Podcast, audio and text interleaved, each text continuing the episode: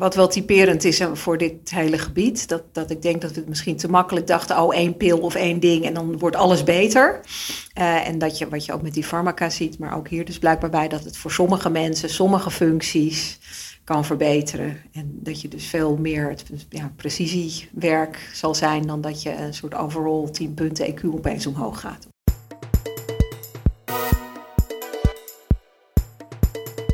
Professor Maartje Schermer doet onderzoek naar mensverbetering en de grenzen van de geneeskunde en neuroethiek.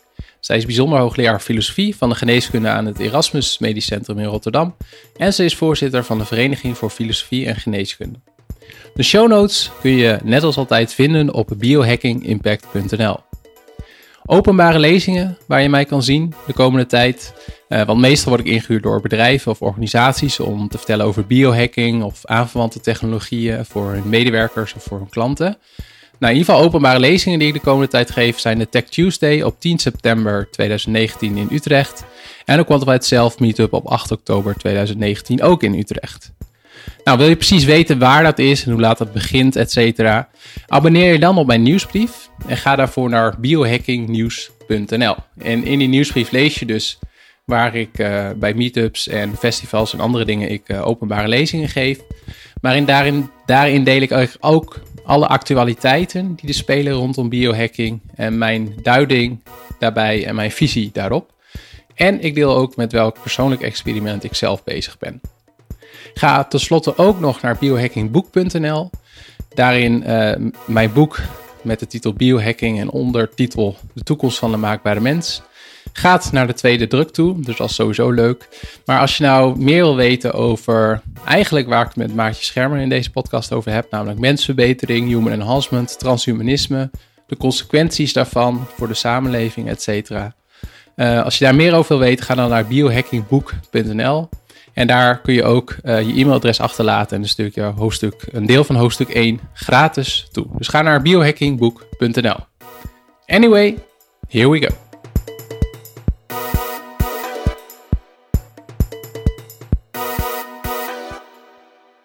Ik wil graag beginnen met een, uh, met een quote. Uh, en ik ben wel benieuwd hoe je daarop, ja, wat je reactie daarop is. Dan moet ik hem eerst even zoeken. Want dat is in een boek wat ik nu lees. En de quote is van Armand Marie Leroy, een Brits-Nederlandse evolutionair bioloog. Hij heeft in een keer in een interview voor het NRC Handelsblad gezegd, en die komt de quote, ethici zeggen altijd dat bepaalde technologische ontwikkelingen grote belangrijke vragen oproepen. En daarin hebben ze zeker gelijk, maar de antwoorden geven ze nooit. Wat is jouw reactie daarop? Ja, daar kan ik het natuurlijk niet mee eens zijn.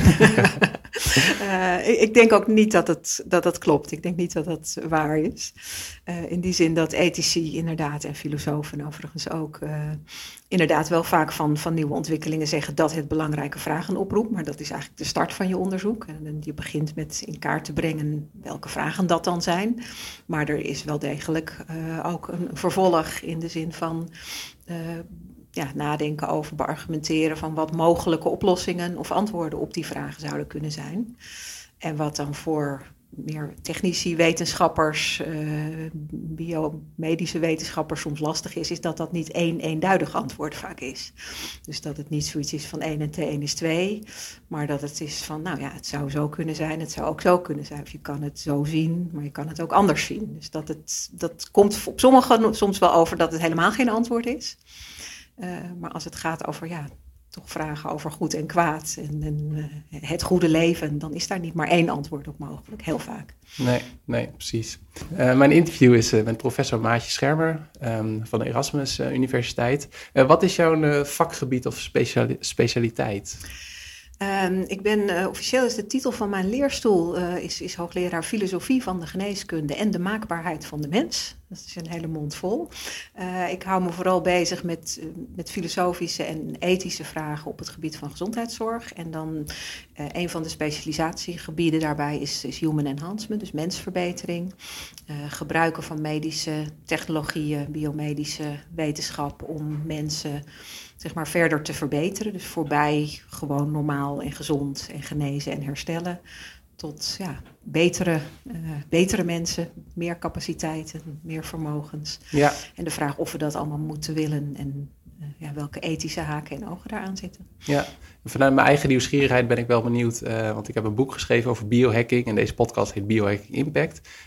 komt de term biohacking eigenlijk al voor in, in artikelen in jouw domein? Nee, dat vind ik eigenlijk wel grappig. Toen ik dat, toen ik dat inderdaad zag in de titel van, van jouw website, biohacking, toen dacht ik, god nee, die, die, die term ken ik eigenlijk niet zo heel erg vanuit de literatuur waar ik me dan mee bezig hou.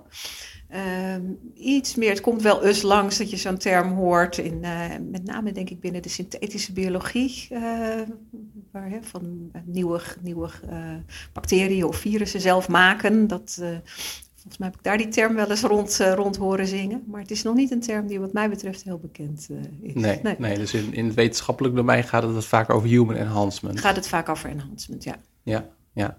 En wat, is de, um, uh, wat maakt het verschil eigenlijk tussen medische ethiek en bioethiek? Of is er niet echt een verschil tussen? Uh, dat is een beetje een kwestie van woorden natuurlijk. Het wordt wel eens, uh, medische ethiek is wat mij betreft wat meer de ethiek echt van, van, van en voor dokters. Uh, echt de klinische ethiek, arts-patiëntrelatie, vragen rond leven en dood. hoe ver moet je doorbehandelen? Dat soort vragen waar artsen in hun dagelijkse praktijk mee te maken krijgen.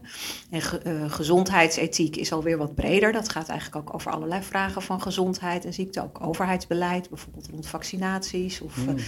En bioethiek is ook een beetje de Amerikaanse term. Ehm, eh, in, in, Amerika valt het bijna samen met medische ethiek, maar in Europa noemen we bioethiek ook wel ethische vragen rond met name biotechnologie. Uh, dus dan kom je toch al wat meer in de, in de technologische hoek, biotechnologische hoek terecht. Uh, voor sommige mensen vallen ook uh, dieren- en milieuethiek daar bijvoorbeeld nog weer onder. Dus wat je allemaal met planten en met dieren kan doen, is ook bio. Maar wat mij betreft gaat het vooral om bio, biologische, biotechnologische interventies. Ja, interessant. Ja, ik, ik, ik vind het een boeiend domein. Ik ga ook in de zomer van 2019 een summer course doen. Uh, in bioethiek in Rome, wat wel grappig okay. is. want ik had er gewoon naar gezocht is dat het georganiseerd wordt door een universiteit, die ik het goed kan uitspreken met mijn Italiaans. Maar dat is gelieerd aan het Vaticaan. En dat vond ik heel oh, interessant. Dus ik had nog wel gemaild, want ik ben zelf niet gelovig, van is dat een probleem? Maar zij reageerden van, ja, het is juist, we bekijken dat vanuit meerdere perspectieven. Ja. Um, en ik vind dat wel interessant, uh, zeker als het gaat over mensverbetering. Het ligt er heel erg aan uh, met wie je praat en wat iemands achtergrond is en waarden en dat soort dingen, hoe hij of zij daar ook tegenaan kijkt. Maar mijn vraag is eigenlijk, um, hoe ben jij ooit geïnteresseerd geraakt in dit domein? Oh, dan moet ik even terugzoeken in mijn geheugen. Um, ik denk ergens rond uh, eh, 2004, een beetje nee, al eerder. Uh, rond 2000 um, was ik uh, lid van een commissie van de Gezondheidsraad. Dat was een commissie die was ingesteld vanwege het uh, eh, 100-jarig bestaan van de raad. Het was een beetje een, een, anders dan anders commissie, namelijk met allemaal jonge wetenschappers, jonge veelbelovende wetenschappers. En die moesten gaan nadenken over de toekomst. En met name dan de toekomst van het brein en de toekomst van onszelf, zoals het rapport ook uiteindelijk heet. En dat mocht wat, wat wilder en wat mooier out of the, out of the box dan dat dat meestal het geval is. En toen was een van de onderwerpen die daarin ter sprake kwam, was het gebruik van geneesmiddelen om cognitie te verbeteren. En dat was toen net een beetje, daar waren wat artikeltjes over verschenen. Er was ook uh, anderzijds rond Prozac in die tijd, uh, SSRI's, een discussie of die ook niet-depressieve mensen wat vrolijker en socialer en of die, dat je, zeg maar, je, je persoonlijkheid kon verbeteren met behulp van medicijnen. Dus dat was toen een thema wat daar naar boven kwam. En uh, na afloop van die commissie van het rapport over hebben we daar met, heb ik met een collega daar een, eh, een subsidieaanvraag geschreven over cognitieverbetering en neuro, eigenlijk neuroverbetering. Uh, en dat werd, een, dat werd gehonoreerd. Dus toen zijn we een onderzoeksproject gaan doen, 2005 tot 2008. Wat heel erg ging over neuroenhancement, dus verbeteren van allerlei neurologische, nou ja, meer ja, psychologisch, neurologische functies van mensen. Ja, ja. ja. En toen is vandaar is je interesse. Ja, en vandaar is het eigenlijk gaan verbreden naar. Uh, de, dus we hebben toen veel gedaan op over cognitieve verbetering. Um, maar vanuit daar is dat ook wel ja, de interesse. Dan kom je toch al snel terecht in een discussie die eigenlijk ook ja, breder is dan alleen dat stukje verbeteren, maar over allerlei vormen van verbeteren. Ja. Ja. ja. En uh, nou ja, dat is ook mijn, uh, niet wetenschappelijk mijn expertise, maar wel proefondervindelijk want dan heb je het over nootropics en smart drugs, maar ook zwakstroom of magnetisme op het brein. Ja. Ehm, volg je die ontwikkelingen? want ik had wel ook gezien op je site dat je daar ook een, een conferentie hebt, of op een conferentie hebt gesproken in Amerika. Mhm. Ehm, hoe, ehm, wat ik me altijd afvraag is voor mezelf, meen ik wel zeg maar effecten mm te merken. Maar het is wel een hele uh, interessante ontwikkeling. Eh, hoe, kun je iets schetsen van, gaat het, uh, gaat het heel snel? Want het brein is ook een ontzettend complex orgaan natuurlijk. Ja. Uh, nou ja, toen wij ooit begonnen met dat onderzoek, dus 2005, toen hadden we wel zoiets van, wow, daar komt van alles aan. En uh, dat deden we ook samen met neurofarmacologen, dus mensen die echt verstand hadden van, van farmacologie en hersenen, et cetera. En die hebben toen voor ons vooral ook gaan kijken in de wetenschappelijke literatuur, van hoeveel bewijs is er nou voor en wat zit er nog in de pijplijn, wat kunnen we verwachten de komende jaren. En eigenlijk gaandeweg zijn, wat dat betreft, mijn verwachtingen wel een heel stuk naar beneden bijgesteld.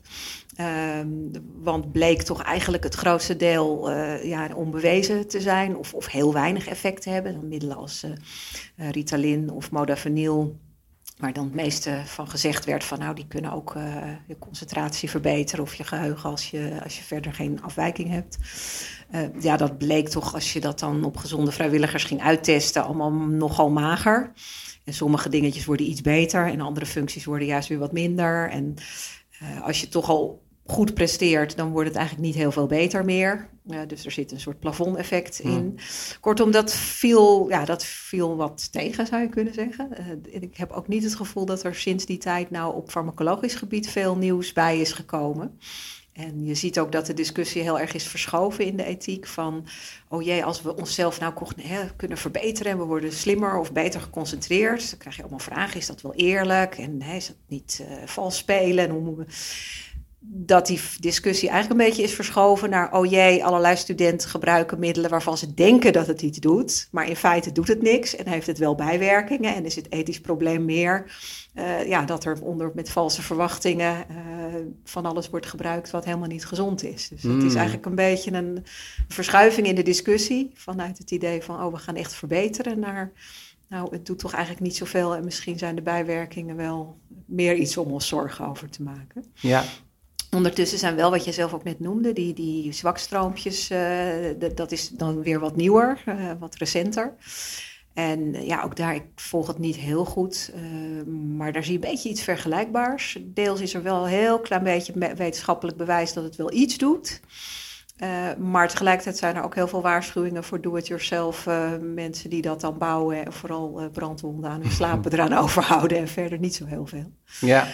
dus ik denk dat het allemaal nog, blijkbaar is dat brein inderdaad complexer en minder makkelijk te, te, verbeteren dan dat wij misschien dachten. Ik ben recent geïnterviewd door Quest Magazine over dat TCDS. Mhm. En toen in datzelfde artikel kwam ook, ik denk een collega van jou, Maarten Frens, professor Maarten Frens, of is het van een andere? Ja, is ook van de. Ehm, en die had dan, uh, want er wordt al heel lang ook onderzoek gedaan naar dat effect van die zwakstroom op prestaties. En hij kwam uh, in zijn meest recente studie kwam erachter dat het ook weer afhangt van een bepaalde uh, mensen met een bepaald gen. Daarbij werkt het wel en bij de andere weer niet. En dan ook nog voor een hele specifieke taak. Dus, ik, ik, denk dat dat wel iets is wat, wat wat wel typerend is voor dit hele gebied. Dat, dat ik denk dat we misschien te makkelijk dachten, oh één pil of één ding en dan wordt alles beter. Uh, en dat je, wat je ook met die farmaca ziet, maar ook hier dus blijkbaar bij, dat het voor sommige mensen, sommige functies kan verbeteren. En dat je dus veel meer het, ja, precisiewerk zal zijn dan dat je een soort overall 10 punten EQ opeens omhoog gaat. Of zo. Ja, ja. ja. En wat maakt nou, en dat is iets waar ik mezelf heel erg over, uh, wat ik ook bij mezelf merk, maar wat ik heel fascinerend vind. En dat is denk ik de belangrijkste vraag binnen human enhancement. Waarom vinden wij het maatschappelijk gezien oké om iemand uh, die ziek is te helpen, maar vinden we het gek of uh, om dan een gezond persoon ja, nog verder te verbeteren? Is dat echt iets in de kern van ons als mens dat we dat moeilijk vinden?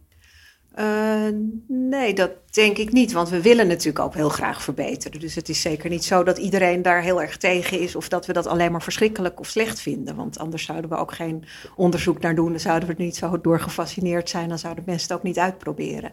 Dus ik denk wel degelijk dat er juist iets in mensen zit dat ze wel graag zichzelf willen verbeteren, prestaties willen verbeteren, uh, dingen willen bereiken. Uh, ik denk dat daar maatschappelijk wordt daar inderdaad verschillend over gedacht. Hè. Er wordt wel publieksonderzoek gedaan wat mensen er nou van vinden. Nou, dan heb je altijd een, spectrum van mensen die het uh, goed idee vinden tot mensen die het helemaal geen goed idee vinden. Um, een deel daarvan is denk ik ook wel gewoon een beetje onwennigheid en nieuw. En, en het klinkt een beetje eng en het is kunstmatig en dat vinden we ook een beetje eng. Uh, maar dat is ja, meer een soort onderbuik van, denk, van veel nieuwe dingen waar mensen in eerste instantie wat huiverig tegenover staan. Ja. Of zoiets hebben van, ja, waar is dat nou voor nodig? Ik ben toch goed genoeg zoals ik ben? Nou ja, als je weet hoe mensen in het begin over mobiele telefoontjes praten, van ja, waar is dat nou voor nodig? Ik hoef toch niet de hele dag bereikbaar te zijn, wat een flauwekul. Uh, ja, dat, dan, dan komt dat er en dan verandert dat en dan veranderen je opvattingen daarover ook. Ja. Dus, uh, en ik denk ook deels van wat we nu genezen vinden, dat, dat zit ook al op het randje van, van verbeteren. Uh, of bijvoorbeeld als je het hebt over preventie, vaccinaties, wordt vaak van gezegd van ja, moet je dat nou zien? Het is geen genezen, het is het voorkomen van ziekte, maar je zou ook kunnen zeggen het is het verbeteren van je immuunsysteem. Hmm. Het is het verbeteren van je afweer tegen ziekte. Uh, dus in die zin is het al een stapje op weg naar John Harris, Amerika uh, Engelse bioethicus, die zegt altijd van nou ja, dat, dat is al een soort van enhancement. Alle mensen die nu gevaccineerd zijn tegen allerlei kinderziektes, die zijn in die zin beter dan mensen die dat niet zijn. Um, dus da daar zit je al op een grens, denk ik. Ja, ja. ja. Ja en ook uh, op het moment dat we een bril dragen of contactlenzen, zou je ook al eens een vorm van ja, dat je je ogen laat laseren. En de, bijvoorbeeld uh, Tiger Woods is dat volgens mij, die beroemde golf, uh, golfer. Die heeft zijn ogen laten laseren tot meer dan 2020 vision. Want dat dat kan, niet heel veel mm. meer, maar wel iets meer. Dus die ja. ziet nog net iets scherper hè, dan dat de gemiddelde mens normaal vindt om te zien. Ja. Uh, ja, ook dat zit een beetje op het randje. Cosmetische ingrepen zijn natuurlijk ook een goed voorbeeld wat dat betreft. Je kan, je kan uh, vreselijke brandwonden laten, laten herstellen met, cosmet met cosmetische chirurgie. Maar je kan natuurlijk ook gewoon een mooiere neus of uh, strakkere kaaklijn of whatever kan je ook laten opereren. En uh, nou, daar zijn de meningen ook over verdeeld, denk ik. Sommige mensen vinden dat onzin of niet nodig. Ik weet niet of er heel veel mensen zijn die het echt moreel verwerpelijk vinden. Uh, maar heel veel mensen vinden dat prima en die zeggen van waarom zou je dat niet doen? Ja, ja. ja Tiger Woods, daar, daar haak ik even op aan. Want ik vind zelf ook, uh, en ik ben benieuwd of, of jullie dat in, het in jullie onderzoek ook doen vind sport zo'n mooi voorbeeld van mhm. enhancement. Dan, dan ook over ja, Tiger Woods, maar ook uh, de, wielrennen met, uh, met doping en wat je daarmee kan. Ja. Um, uh, dus mijn vraag is eigenlijk van, ja, gebruiken jullie dat ook in jullie onderzoek? Ja, ik heb dat wel een keer ook als voorbeeld gebruikt. Of, dus ja, dat is zeker een terrein om, om mee te vergelijken. Ook wat heel interessant eraan is, is dat wat sport heel specifiek maakt, is dat daar meestal natuurlijk een wedstrijdelement in zit. Dus dat het echt gaat om competitie. En dat verbeteren dus eigenlijk altijd iets te maken heeft met beter dan iemand anders. Dat je wil harder lopen of harder zwemmen of hoger springen dan iemand anders. En uh, in die zin zit dat competitieve daar heel erg in. En dat is lang niet bij alle enhancements zo. Dus daar zit een verschil in. Ja, als je zegt van nou, uh, je kan cognitie verbeteren, dan is dat misschien deels om slimmer te zijn dan iemand anders of je werk wat sneller af te hebben. Maar deels is het ook gewoon intrinsiek waardevol om uh, hè, meer dingen te kunnen onthouden of sneller een boek te kunnen lezen of, of uh, hè, slimmere uitvindingen te kunnen doen. Niet per se omdat het beter is dan iemand anders, maar gewoon omdat het in zichzelf al goed is.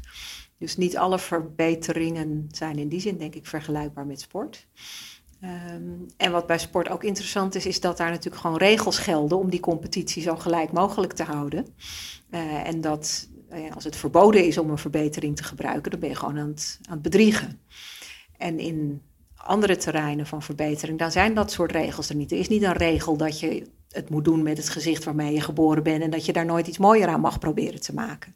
dat, je overtreedt geen enkele regel en je bent niet aan het bedriegen als jij een, uh, je haar laat verven of een mooiere neus uh, neemt. Dus in die zin zijn er wel verschillen tussen sport en een aantal andere vormen van verbetering. En dat is, dat is wel interessant, inderdaad. Ja. ja.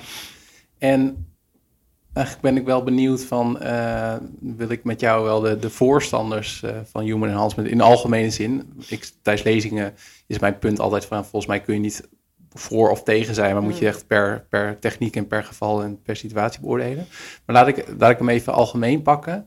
Um, wat natuurlijk wel boeiend is, dat, dat sommige, ja, ook wel transhumanisten, volgens mij is John mm-hmm. Harris ook wel een, voorstander van uh, human enhancement. Maar ik hoorde laatst ook een keer in een andere podcast, uh, ik ben even vergeten wat, maar iemand die ook zei van, ja, willen we bijvoorbeeld kunstmatige intelligentie verbeteren?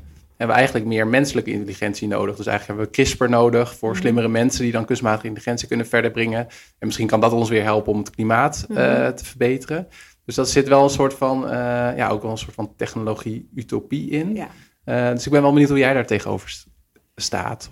Nee, absoluut. Er zit, er, er zit zeker heel veel utopisch denken in.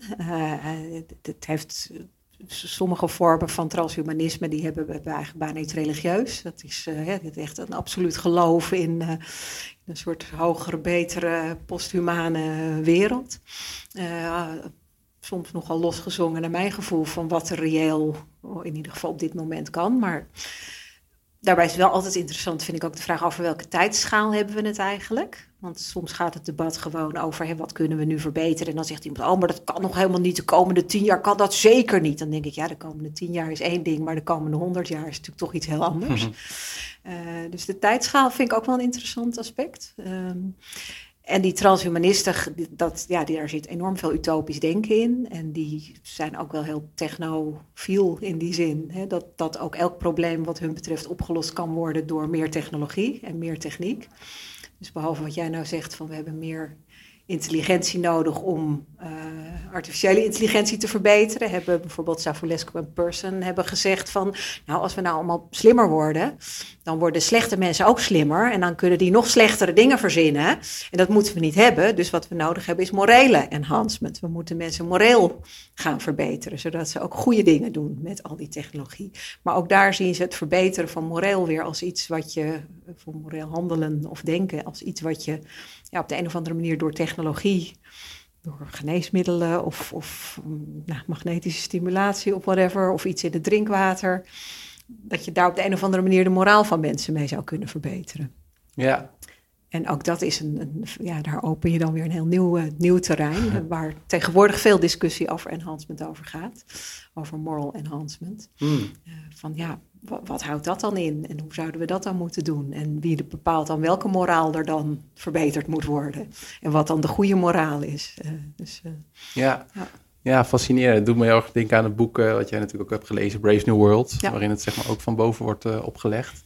En dat is een, voor de luisteraars die wel eens een lezing van mij hebben bijgewoond, dat is een grapje die ik wel eens gemaakt, dat ik dan zeg van, uh, ik was recent uh, een paar weken terug bij de reclassering. En dat is mijn grapje van om een lezing te geven. Maar bij de reclassering, toen ik daar een lezing gaf, vertelde ik ook van een tijdje, ik denk vijf, zes, zeven jaar geleden, was er een onderzoek van er zijn bepaalde genen gevonden die relatie hebben met uh, criminaliteit of, of, gewelddadigheid. Dat is later weer ontkracht, moet ik er direct bij zeggen. Maar stel je voor dat we dat echt ontdekken, dan, dan is die moral, eh, moraliteit ook natuurlijk weer in een ander daglicht. Van wat als je, als je een baby wordt geboren en er staat van, nou, dat gen uh, heeft, heeft, inderdaad uh, um, ja, die mutatie. Dus uh, ja, wat ja, vind ik ontzettend interessant.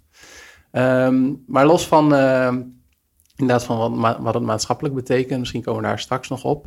De, een, een, veel tegenstanders van human enhancement, en dat komt ook naar voren in het boek Homo Deus van Yuval Noah Harari, is dat hij zegt van ja, misschien is dat straks alleen voor de mensen die dat kunnen en willen betalen. En heb, heb je niet alleen een economisch verschil, maar ook een biologisch verschil. Want die rijke mensen kunnen zichzelf dan verbeteren en dan meer geld verdienen en dan nog meer verbeteren.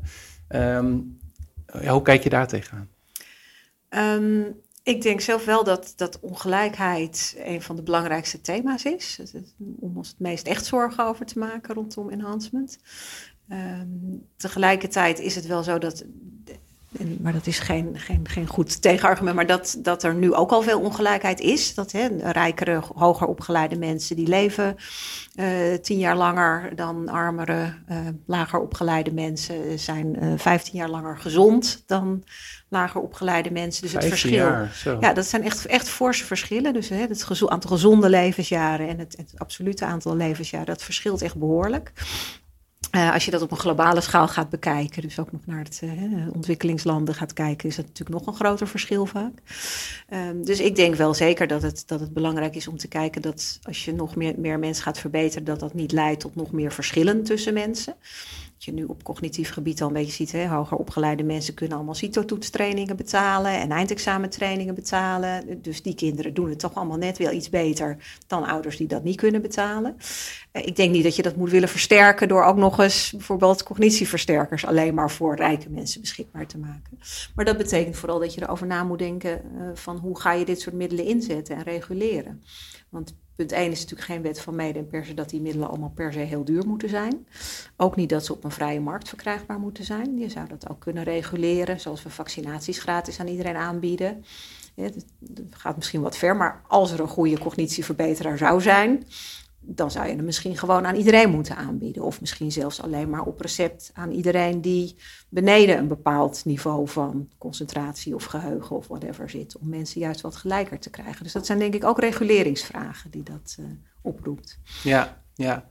En uh, ja, daar ben ik het zeker mee eens. En ik had laatst een, uh, ook een, gaf ik ergens een lezing en er was dan iemand anders die vloog dit thema aan vanuit een juridisch perspectief, wat ik heel interessant vond. En ze zei bijvoorbeeld, ik ben even vergeten hoe die in de grondwet heb je het recht op onaantastbaarheid van, van het lichaam. Maar daarbij wordt volgens mij ook bedoeld van nou als je een piercing wil nemen of een tatoeage, dan is dat gewoon je eigen verantwoordelijkheid. En uh, nou ja, vanuit dat licht kun je zeggen van nou, wat je ook aan jezelf aanpast, ook al, dat is dan ook je eigen verantwoordelijkheid. Mhm. Maar aan de andere kant heb je ook wel het recht op uh, of ik, uh, gelijkheid in mhm. Nederland. Dus daarvan zou je weer kunnen zeggen van... ja. Ja. Nou ja, die onaantastbaarheid van het lichaam maakt het natuurlijk onmogelijk, om, om, vrijwel onmogelijk om mensen iets aan te doen aan hun lichaam wat ze niet willen. Dus om mensen tegen mm. hun zin te gaan zitten verbeteren. Hè. Dus iets in het drinkwater waar je allemaal slimmer van wordt, dat, dat gaat hem niet worden. Want daar gaan altijd mensen tegen zijn. En, en je mag mensen niet zomaar iets uh, in hun lichaam doen zonder dat ze dat willen. Uh, maar... Uh, uh, nou weet ik even niet meer wat ik daar nou verder over wou zeggen. Die onaantastbaarheid, belangrijk is dat het een keuzevrijheid is, maar dat inderdaad dat niet wil zeggen dat je het niet aan mag bieden of mensen uh, uh, mogelijk mag maken om dingen te doen. Of juist sommige dingen te verbieden in sommige gevallen. Ja, wat ik wel de laatste tijd um, lastig vind, is dat ik denk dat het een belangrijk thema is. Um, maar de politici, om het algemeen, mm die hebben het al druk genoeg met de andere mhm nou, laat ik zeggen, ik wou zeggen veel belangrijk, maar belangrijk zoals de, de opwarming van de aarde en andere dingen. Um, hoe denk je, eh, wat zou jij ook vanuit jullie onderzoek uh, voor handvatten kunnen meegeven van hoe hoe, want het, lijkt mij dat er hier wel een, een, een gesprek of debat of mm. discussie over nodig is. Wat zou jij uh, willen? Nou ja, ik, ik, ik denk dat voor een deel wat je net ook al zei, daar ben ik het heel erg mee eens. Van dat die enhancement, dat dat debat dat niet te veel in soort van hele algemene zin moet voeren. Maar dat het uiteindelijk, zeker als je richting reguleren of zo zou willen gaan. Of wat moeten we nou doen? Dan gaat het toch vaak over meer concretere toepassingen. Van wat voor enhancement dan? Van welk onderdeel van de mens uh, en in welke vorm gaat dat dan aannemen. Dan maakt het wel een stuk concreter en makkelijker om daarover te praten. En dan komt ook regulering meer in zicht. En ik denk wat je nu bijvoorbeeld ziet um, rond die CRISPR-Cas bijvoorbeeld, uh, gene editing. Um, dat als er dan in, in China zo'n doorbraak is, of hè, dat er dan tegen, eigenlijk tegen de afspraken in toch alvast een, een embryo is, uh, is al dan niet is verbeterd, dan komt die discussie, die, die wordt wat meer zichtbaar.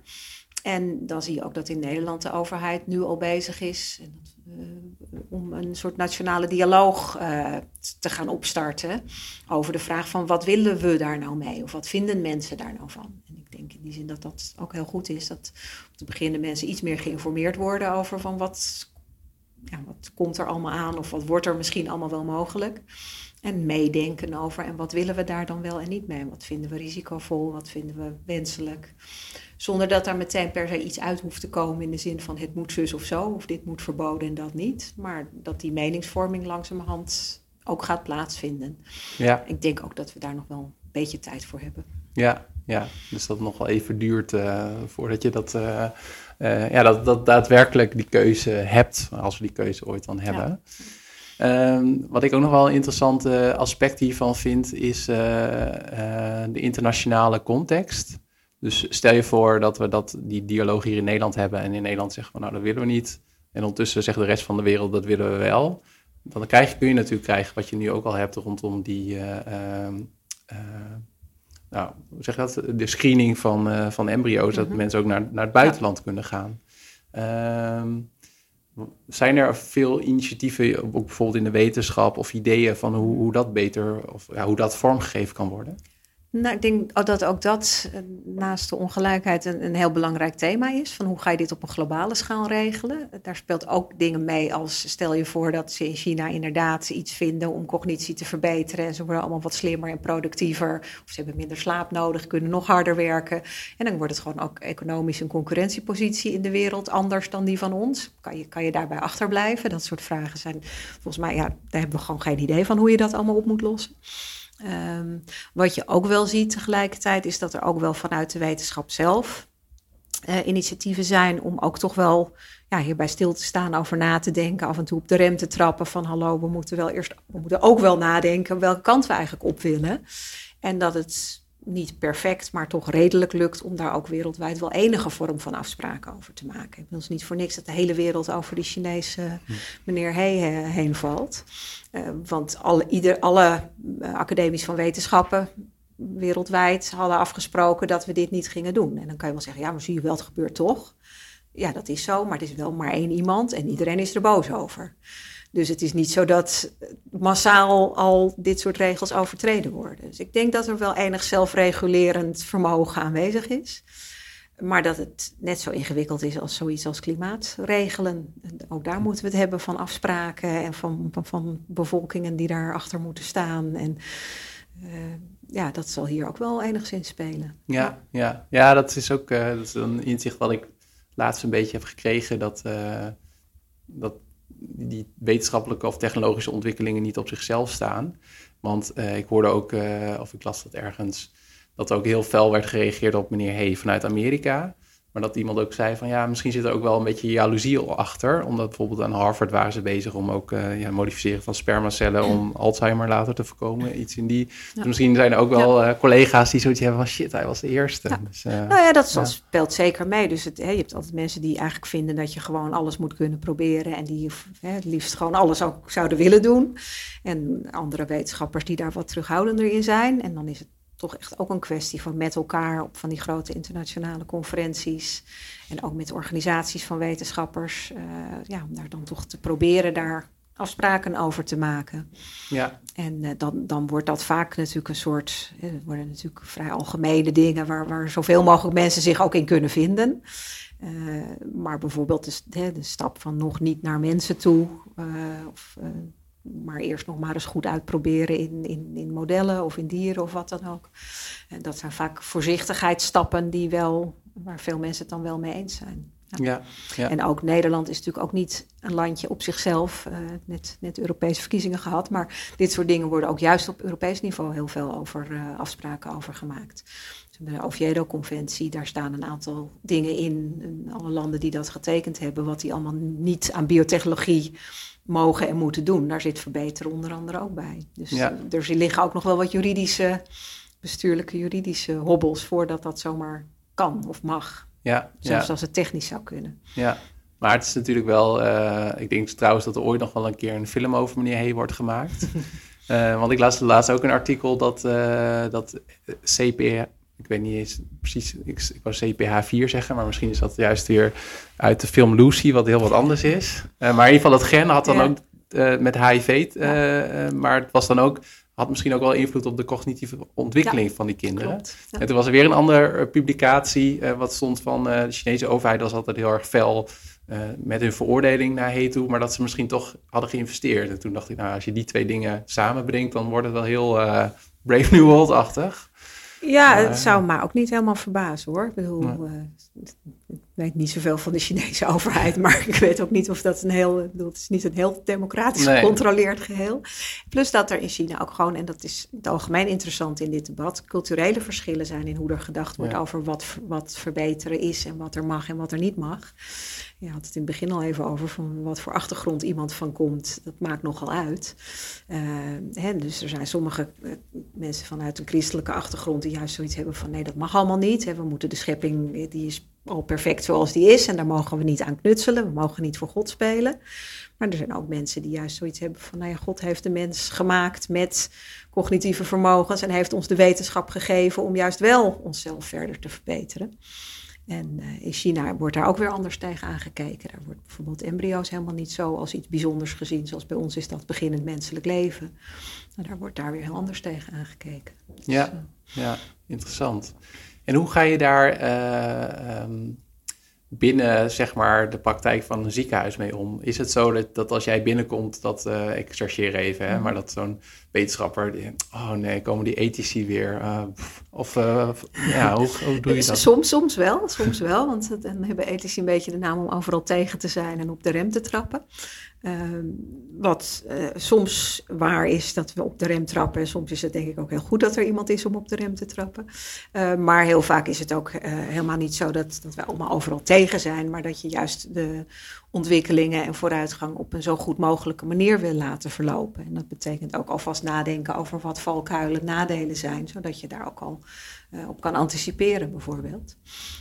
maar hier in het ziekenhuis, ja, we zijn hier natuurlijk niet per se bezig met enhancement. Maar toch nog over het algemeen gewoon met verbeteren, of met, uh, sorry, met genezen. Maar bijvoorbeeld wordt wel onderzoek gedaan naar verouderingsprocessen. En hoe werkt dat nou op biologisch niveau en hoe kan je dat beïnvloeden en misschien vertragen, terugdraaien? Uh, allemaal met de bedoeling om ouderdomsziektes uh, ja, te voorkomen of, of uh, die ziekteperiode aan het eind van het leven zo kort mogelijk te maken. Maar als bijeffect, niet per se bedoeld, maar, maar wel mogelijk bijeffect, is dat als dat gaat werken, dat mensen ook inderdaad ouder worden en langer gaan leven. En dat is dan misschien niet per se de bedoeling, dat we hier nou onderzoek doen om te zorgen dat mensen 150 worden, maar ja, dat gebeurt op een gegeven moment wel als je doorgaat met, uh, met dat soort onderzoek. Dus dan denk ik dat het goed is als je inderdaad bij zo'n onderzoeksgroep uh, op een gegeven moment ook eens dat aankaart van hé, hey, uh, hoe denken jullie daar eigenlijk over? Want dat is weliswaar niet jullie doel, maar je hebt toch een zekere verantwoordelijkheid voor de gevolgen van je handelen en van je onderzoek. Op zijn minst om daar ook eens over na te denken. En, ja. wat, wat de effecten nog meer kunnen zijn. Ja, ja. En is dat dan. Ehm, Um, ik ben, gewoon heel nieuwsgierig. Heb je daar dan bepaalde werkvormen voor? Of is het gewoon ook uh, ja, die vraag stellen en daar met elkaar over discussiëren? Het ligt een beetje aan natuurlijk. Wordt onderzoek wordt tegenwoordig eigenlijk meestal gedaan in, in projecten en nog vaker in hele grote consortia. Dus hele grote onderzoeksgroepen met heel veel onderzoekers, ook meestal uit meerdere landen tegelijk. En daar zit vaak ook wel iets van een ethics work package in. Dus een stukje ethiekonderzoek. En dan kijk je vaak zowel naar de ethiek van het onderzoek wat op dat moment wordt uitgevoerd. Dus als er bijvoorbeeld experimenten met mensen worden gedaan, kijk je gewoon, geef je aanwijzingen van hoe dat, uh, hoe, aan welke regels dat moet voldoen en hoe mensen geïnformeerd moeten worden en dat soort dingen. Maar meestal is daar ook wel ruimte om uh, alvast iets te doen in zin van meer verkennend ethisch onderzoek. Van nou, wat zouden bijeffecten kunnen zijn van dit onderzoek? Uh, en wat, nou, dan kan je daar alvast ethische reflecties over doen. En dan vaak op bijeenkomsten van zo'n consortium, dan, dan, hou je, dan houden allerlei mensen praatjes. Dus je krijgt een heel technisch praatje, maar je krijgt ook een ethisch praatje van, goh jongens, hoe ja. zit het met de ongelijkheid? Als dit gaat werken, wordt dan niet de kloof tussen gezond en ongezond nog veel groter, bijvoorbeeld. Ja, ja. En hoe werkt het? Hè? Of kan je misschien zelfs eens kijken of je in, in die interventie die je aan het bedenken bent, of je die op zo'n manier vorm kan geven dat die misschien die ongelijkheid juist gaat verminderen? Of hebben jullie erover nagedacht hoe dit uh, bijvoorbeeld uh, bij op diversiteit gaat werken? Zijn bijvoorbeeld, uh, hè, is dit alleen maar getest op wit-blanke mannen van rond de 40? En werkt het nou net zo goed op zwarte vrouwen van 80? kijk je daar überhaupt naar? Ja.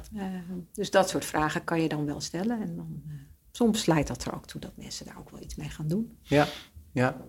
En wat is het, uh, het meest boeiende project of onderzoek of inzichten uit die projecten of onderzoeken um, van de afgelopen tijd? Wat je, waarvan jij denkt, hé, dat is, vond ik echt verrassend of dat is me wel bijgebleven of dat is uh, wel bijzonder of dat is handig? Ja, wat ik wel iets wat ik wel spannend vond, maar dat, dat was op zich niet zo'n heel groot project. Maar wij, wij hebben een apart project gedaan, onderzoek naar, uh, naar die morele verbetering, waar ik net al moral enhancement. En eigenlijk vooral gaan kijken naar wat er nu rond uh, crimineel gedrag en agressief gedrag, et cetera. En uh, in de forensische psychiatrie bijvoorbeeld aan biologisch onderzoek wordt gedaan. En dat vond ik eigenlijk wel verrassend dat daar uh, inmiddels al best wel weer veel onderzoek wordt gedaan. Dus genetische factoren onder andere, uh, fysieke factoren die ja, agressief of crimineel gedrag uh, beïnvloeden. Mm. dat is natuurlijk een hele tijd not dan geweest. Van een persoon zelf? ja, van, men, van, men, nee, van, ja, van mensen. Van ja, dat ja, dan, en dat, dat ze bijvoorbeeld al bij jonge kinderen, rond een jaar of drie gaan kijken van of er een aantal parameters zijn waardoor je dan zou kunnen voorspellen dat zo'n kind een grote kans heeft om later antisociaal persoonlijkheid te worden of om psychopaat mm, te worden. Zo. Nou, dat zijn best wel, en dat is dan nog on, het grote deel is nog onderzoek. En het idee is dat je als je dat vroeg opspoort van hé, hey, die kinderen lopen een risico. Uh, dan moet je zorgen dat hun opvoedomgeving zo optimaal mogelijk is. Dan moet je ze misschien hè, nog wat extra ondersteuning geven om te zorgen dat ze dat niet, hè, dat dat niet die kant op zich ontwikkelt. Ja. Uh, maar dat roept natuurlijk wel ontzettend veel spannende vragen op van hoe ga je dan kinderen, hè, als je dat echt gaat, zou gaan toepassen, moeten we dan alle kinderen daarop gaan screenen en uh, ja, dat roept dan wel al snel ook wel weer, nou ja, Brave New World misschien niet, maar toch ja. wel associaties op. En uh, heel lang mocht dat soort onderzoek niet, sinds uh, Buikhuizen-affaire, heel lang geleden. Oh, ken ik niet, Buikhuizen. Moet je maar eens opzoeken, dat is wel leuk. Jaren, jaren 60 is dat volgens mij 70. Nou ja. Uh, dat was eigenlijk een criminoloog die voor het eerst zei van nou misschien moeten we ook eens naar de biologie kijken van crimineel gedrag en niet alleen naar de sociale factoren. En die is totaal verguisd en kapot geschreven en uh, heeft afscheid moeten nemen van de universiteit zelfs, omdat het zo not dan was om dat soort vragen te stellen. Ja. En dat heeft ook, nou minstens twintig jaar daarna kwam niemand ook maar in de buurt van biologische verklaringen voor crimineel gedrag. En inmiddels zie je dat dat wel weer kan. En uh, dat er meer ruimte is om daar ook naar te gaan kijken. Ja, ja. En uh, ik vond dat wel verrassend dat daar toch wel vrij veel onderzoek wordt gedaan. En uh, ja, de mogelijkheden om dan te gaan interveneren op dat soort gedrag. bio op een biologische manier. dat, ja, ik weet niet of je dat enhancement moet noemen of, of iets anders. Maar ja. wel een heel spannend gebied. Ja, maar het is ook een dunne lijn. En dan merk ik zelf wel uh, met meerdere thema's rondom human enhancement over uh, ook in, ja, ingrijpen op autonomie of op vrije wil. En, en wat is nou.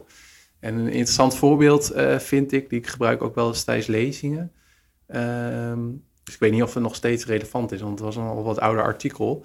Uh, maar dat was dat uh, twee ouders die allebei doof waren, die wilden ook heel graag een doof kindje hebben. Omdat ja. ze dan in dezelfde dove gemeenschap zou kunnen opgroeien. En toen merkte ik bij mezelf dat ik dacht van jeetje, ik bedoel, maar dat is heel erg de vraag van wie, wie, wie, wie gaat er dan over? Hè? Zijn dat de ouders of zijn dat, uh, is dat de samenleving of dat de, de arts? Of ja, dat vind ik ja. ook moeilijk. Ja. Nee, dat is inderdaad nog steeds wel een, geval wat wel, daar is ook heel veel over geschreven. En dat, illustreert gewoon heel mooi een aantal vragen, zoals de vragen die jij noemt. Uh, een van de vragen is, de, de, vraag, dat zien we hier in het ziekenhuis natuurlijk wel. Wie gaat er op een gegeven moment over beslissingen over een kind? Uh, hè, over de gezondheid van een kind, over bepaalde ingrepen bij een kind. Zijn dat de ouders of zijn dat hè, de artsen, in zekere zin namens de samenleving, die dat kind hè, moet beschermen? Dat is natuurlijk ook soms een dunne lijn tussen waar, waar zijn ouders uh, een kind misschien wel niet goed aan het doen voor het kind, of het kind aan het verwaarlozen, of kiezen ze dingen voor het kind wat echt niet goed is. Of hebben ze alleen een iets wat andere opvattingen over wat goed is of wat niet goed is? In Nederland vind ik die documentaire Rauw. Ik weet niet of je die kent. Dat is zo'n oh, jongetje, ja. de moeder die dat jongetje helemaal alleen maar rauw, rauw voedsel laat eten. Veganist, ja. ja, veganistisch en rauw, rauw voedsel ook alleen ja. nog niet gekookt. En nou, een heel verhaal daarbij heeft. Maar best ook wel redelijk goed geïnformeerd is over voedingsstoffen, et cetera. Dus niet, niet iemand die helemaal niet weet wat ze aan het doen is ja, daar ligt die lijn ook heel ingewikkeld. Van hoe, in hoeverre heb je nou een ander voedingspatroon, maar is het nog steeds goed genoeg om dat kind goed op te laten groeien? En wanneer wordt het zo afwijkend dat de samenleving zegt, ja, maar hier moeten we dat kind beschermen tegen in dit geval zijn eigen moeder. Ja.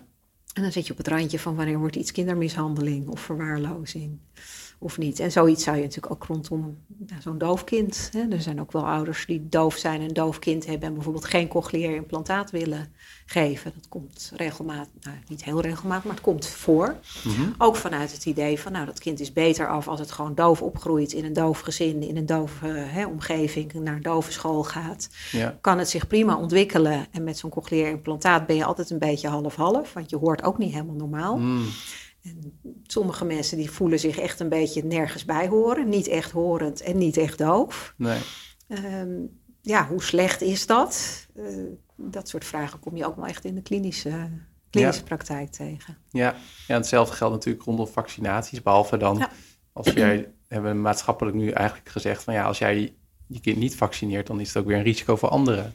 Dus dan Ja. is het weer Nou, dat is een extra argument. Ja. Dus dat maakt het vaccinatie, daar kan je inderdaad ook nog zeggen, net als met eh, hè, roken. Van de Oh ja. verbieden van roken is ook zoiets. Van nou, normaal gesproken verbieden we mensen niet zoveel. Maar hier kan je nou nog zeggen, ja, maar dat is voor andere mensen ook slecht. Ja, Dus niet alleen voor jezelf, maar ook voor anderen. Dat maakt zo'n argument natuurlijk wat sterker. ja, Ehm, maar rondom kinderen is dat altijd een vraag van hoe ver, hoe ver hebben ouders zeggenschap en, en wanneer moeten we als samenleving een kind beschermen tegen, tegen wat ouders willen. ja. Ja, want het zou ook wel interessant zijn als die eh, Chinese baby's eh, over 18 jaar gaan ze dan ook hun eh, ouders aanklagen of meneer Hey aanklagen. Bij wijze van dat, dat, we, dat we zulke futuristische rechtszaken krijgen. Ja, Dat je zegt, nou, in, in, als embryo kun je er niks over zeggen. nee, nou, met embryo's is het nog weer ingewikkelder, want wat je, als je in een embryo iets verandert, kan je altijd nog zeggen, ja, als we dat niet veranderd hadden, was jij jij niet geweest. Mm, dan was je ja. gewoon iemand anders geweest.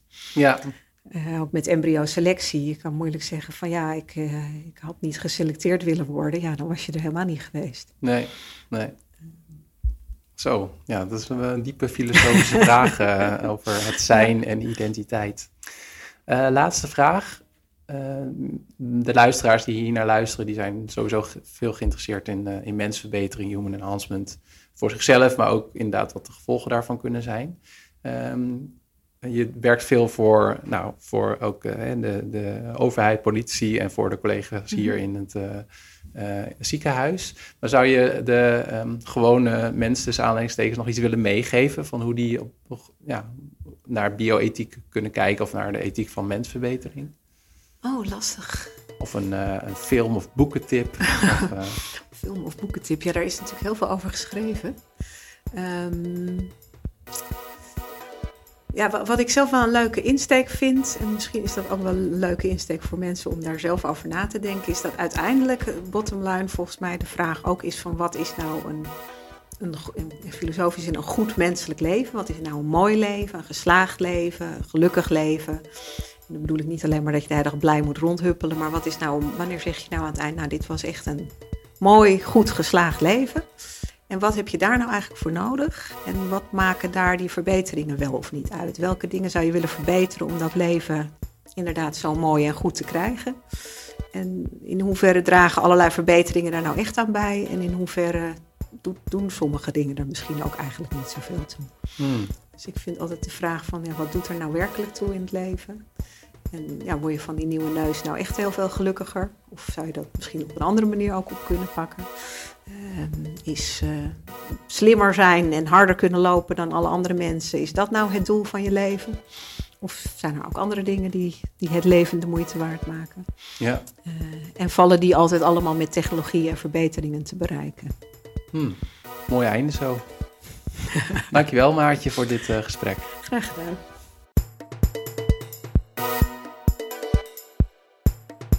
Bedankt voor het luisteren naar deze podcast. Vergeet je niet te abonneren op mijn nieuwsbrief. Ga daarvoor naar biohackingnieuws.nl. En in die nieuwsbrief deel ik alle actualiteiten op het gebied van biohacking, mijn duiding daarvan en mijn visie daarop. En daarnaast vind je ook een overzicht van de op- openbare optredens die ik geef op meetups en festivals.